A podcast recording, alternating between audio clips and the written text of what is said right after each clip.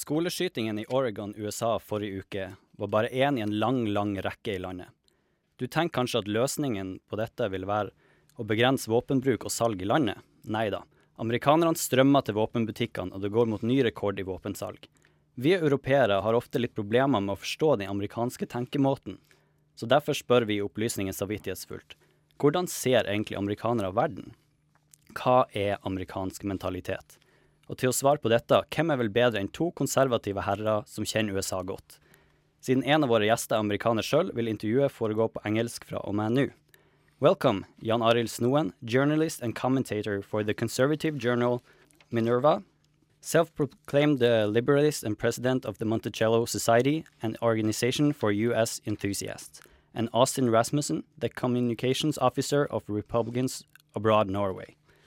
Austin, you're an American who just moved to Norway. As a conservative American, do you often feel that Norwegians don't understand political thinking and your values as a Republican? Well, I think there's a, a, vast difference, of course, between Norwegian politics and United States politics in the way that uh, how we view guns and firearms. Uh, so, in that way, I, I, would say there's a lack of understanding, particularly for the Second Amendment within the United States Constitution. Snoen, as a Norwegian with a lot of insights in American views, what do you think we are missing? Do we Europeans and especially Scandinavians have a condescending view on American politics? I believe that we sometimes exaggerate the differences and also uh, take some extremes in America and see them as typical of America. Um, in general, I think um, Americans believe that that uh, Europe is less market orientated and more government uh, uh, orientated than it really is, and on the other side Europeans see um, America as less of a welfare state than it, it really is. So we tend to to exaggerate the um, differences, although there are differences. Yeah. Uh, since Obama took office in January 2009, he has held 12 speeches about gun violence in schools after mass shootings. He said himself in his last speech that this has become a routine during his presidency, and that he has tried to change gun laws but your party, Austin, the Republicans, stand in the way of getting majority in Congress. Why is that? Well, it's, it's a logical fallacy. I think uh, it's a logical fallacy to, stay, to state that with more guns, there's going to be more violence. Um, that's been categorically disproven. You can look at the United States, for example. Um, as of last year, they've had more firearms than there are people in the country.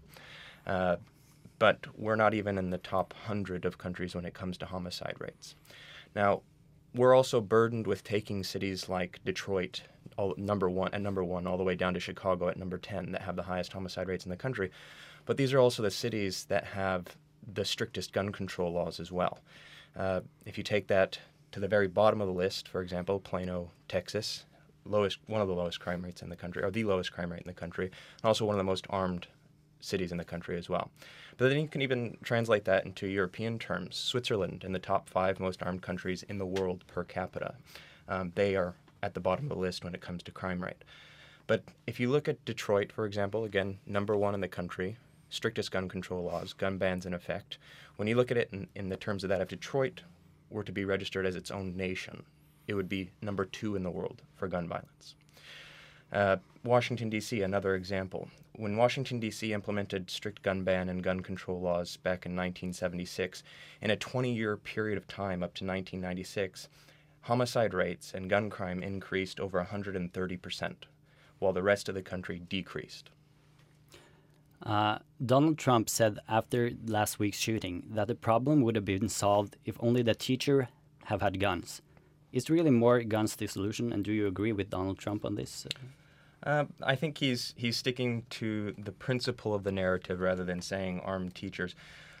What we have we have a law in the United States that classifies schools as gun-free zones. So when someone wants to go and commit this sort of crime, commit this sort of horrific uh, a tragedy, of course they're going to go where they know they're not going to be fought back. You know, when police officers have to disarm themselves, when, when people who are trained to carry a weapon, concealed carry license, have to disarm themselves, there's no one there to fight back in that situation. I mean, we can look at that even here in Norway with Anders Behring Breivik going to an island full of children. There was no armed police officers there, no armed security, but if there was someone there, probably could have saved a lot of lives. Uh, this brings us to the American Constitution. As you mentioned, the Second Amendment says that American people have the right to keep and bear arms.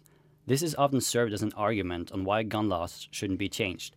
But is this really an argument? Why are the American people in such disfavor of changing the Constitution, even if it can be the root cause of the problem?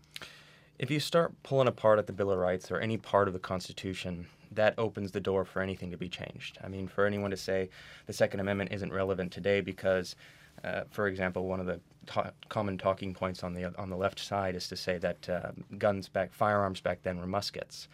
Well, even then, muskets were military grade weapons, and that's what the government had. That's what the citizens have. Today, to limit the people and try to pull apart the Second Amendment, uh, it's like saying that uh, the First Amendment only applied to parchment and fountain pens instead of using the internet for the same reason. Okay, Snoen, can we as Norwegians ever understand the American view on the Constitution?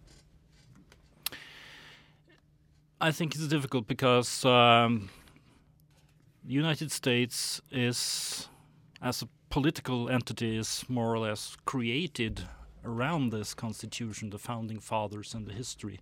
Whereas Europe, we have a long history evolving over a longer time. But this is uh, the constitution is is very central uh, for the Americans' view on uh, of themselves, and it has played a major role uh, for a long time and it plays a much bigger role now uh, in politics than in, in Norway. Uh, so it's difficult for us with a different uh, tradition where Supreme Court is much less important uh, and the Constitution is much much less important to understand this. I have one uh, comment on the previous topic about guns because there are two reasons I believe that gun laws are not changed very much in the United States. The one is this constitutional right to bear arms, but I I don't think that's that would be enough if it could be proven that um, restrictions really works. And we heard some examples that it it's not obvious that it really works. So the pragmatic arguments uh, are in on top of the principal arg arguments. And together, uh, they make a rather strong case in the American people, also among many Democrats, not to change the laws very much. Uh, Austin, a hypothetical thought. If nobody in the US had guns, uh, how would the, the society be different? Well, first of all, the United States wouldn't exist because without guns, we wouldn't have won our independence from the United Kingdom. So the, the question there, even in a hypothetical situation, if no one had guns in the United States, well, the United States wouldn't exist in the first place. Yeah, well, not necessarily historical, but if from tomorrow all guns were banned, mm-hmm. how would that change your society? Well, is that including the government as well? Military wouldn't have guns, government wouldn't have guns, or just the citizenry? Just the citizenry. Well, again, this is what the forefathers, uh, the founding fathers, had anticipated when they created the Second Amendment. When you disarm a citizenry, um, in the 20th century alone, in the 20th century alone, the number one cause for unnatural death was government. Um, you can you can take that from Soviet Russia or Soviet Union, excuse me, uh, murdering over 60 million people. Mao in, in the communist uh, China killing over 70 million people, and you can take that to Cambodia, Yugoslavia, Japan, Vietnam. The number one cause of unnatural death was government. So when you disarm a citizenry, you take away their first line of defense against the opportunism of tyranny from a government body. So if guns were taken away from all Americans tomorrow, well, uh, if, as an American, I'd be quite frightened of the potential. Snoen, we in Norway kind of like the government. We think that the government takes care of us. Uh, how, how can you explain this difference in thought about how the governments affect their citizens? Well, it probably has something to do with the origin and the history of the United States. Uh, created in opposition to a government, uh, the British government, uh, by the citizenry uh, of the United States, and um, and also that this people, if we exclude the slaves, which is a different issue or part of the issue, uh, Americans are there because they want to be there. They have uh, chosen to go to this place, and uh, has always had this belief that they can make it there on their own, uh, and that government plays a, a small role. Um, so this history um, explains a lot of this. But on the other hand, um, government in the United States is not minimal. It's quite big. The welfare state is quite big. Not as big as here, but it's quite big. And the number of regulations in the United States and state bureaucracy is uh, same or more than here. So, um, as I said before, we tend to blow up differences uh, here. But there is a different view on government. More Americans see government as less important, and they tend to, when a problem arises or there is a problem, they tend to look to the private sector or to the civil society before they look to, to government. In Europe, it's the other way around. You have mentioned the founding fathers a couple of times. the founding fathers, the people who wrote the Constitution, has much greater rhetorical punch in the public debate in the US than here in Norway. Norwegians don't care who wrote the constitution when it comes to changing it. If there are outdated laws, they should be changed for the better of the people and the nation as a whole. Are the founding fathers a key here to understanding the American views of the Constitution that they gave you freedoms and rights, and now somebody else is trying to take them away?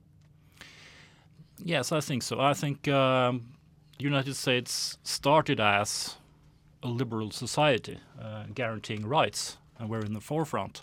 And we saw many European countries came uh, after that, uh, being monarchies of different kind. Uh, so uh, I lost my thread here, but uh, we will find it. we find it later. There's that this this this origin is important, and this view that you start with liberty and the most important role for the government is to secure liberty, not uh, secure welfare. There's no right to uh, to uh, to happiness, but there's a right to the pursuit of happiness. Yeah. Would you agree on this, Austin? Agree with. Uh, on the the role the founding fathers play in your view of the Constitution. Mm -hmm. Well, you, you, mentioned that they're used in a more rhetorical method um, in political discourse in the United States when people reference the founding fathers, yes, they're referencing them and they're referencing what they had accomplished and what they achieved, but also it's referencing the philosophy of what they stood for and what they built. They didn't give us the rights. What they did is they ensured the rights through the Constitution. Those rights are inalienable. Those rights are what every man should be born with. Uh, and so, from that from that angle of it, yes, I, I, would agree that it is absolutely important to understand the origin, to understand the Constitution, and know what the Constitution says, because the moment the citizenry begin to forget that, that's when you start to lose those rights. Yeah. Uh, one last question, and this goes to both of you. Why do you think that many Europeans and Americans, despite so much common ground, so instinctively think different about many of these questions? Snoen first. Well, that's a it's a difficult uh, question to answer because it has to be has to do with a long uh, a long uh, different history and as I have, we have discussed, uh, uh, a different uh, view on government and how government was constituted in the different um, parts of the world. Um, so, um, for instance, we in Europe have had a, a, a strong labor movement. They never had that in, in the United States, only in for some segments, and and that has influenced um, view on of the political political parties. You don't have socialism as such in the United States, even though Bernie Sanders now calls himself a socialist. But this really doesn't explain it because you have to go back. Why haven't you had a, a labor movement in the United States and so on? And then we come back to the people coming here um, to make it on their own, uh, the frontier society when they have they get uh, they get land and they build their own uh, business or, or, their own lives with less room for for government. And this it takes a long time to to um, to change views like this. But as I said, there are. I think that America and Europe is is closer now than it was, say, 100 years ago, and that the welfare state, if Bernie Sanders should win, or even Hillary Clinton, uh, America will move closer to the European view on the state. Yeah. Uh, one last question for you, Austin. The Democratic presidential candidate Bernie Sanders has declared himself a democratic socialist. According to the American way of looking at politics, could Bernie ever win the election with his political baggage? Categorical no. No, he, he will never win um, standing on the platform as a socialist. But uh, if I may answer the question you asked before there, uh, as Margaret Thatcher said, Europe was created by history and America was created by philosophy. And there lies a fundamental difference between the two regions of the world. The United States was founded on this idea of freedom and is composed of every race, religion, color, and creed, arguably the most diverse nation in the history of the world. And every person from its inception, no matter where they came from, um, they had a unique reason for arriving in the United States, a different reason. Every single one has a different reason, but they all had a common ground and an under, common understanding in the values of that destination, the United States. Thank you, Jan Arild Snoen, journalist and commentator at Minerva, and Austin Rasmussen, communications officer of Republicans Abroad Norway.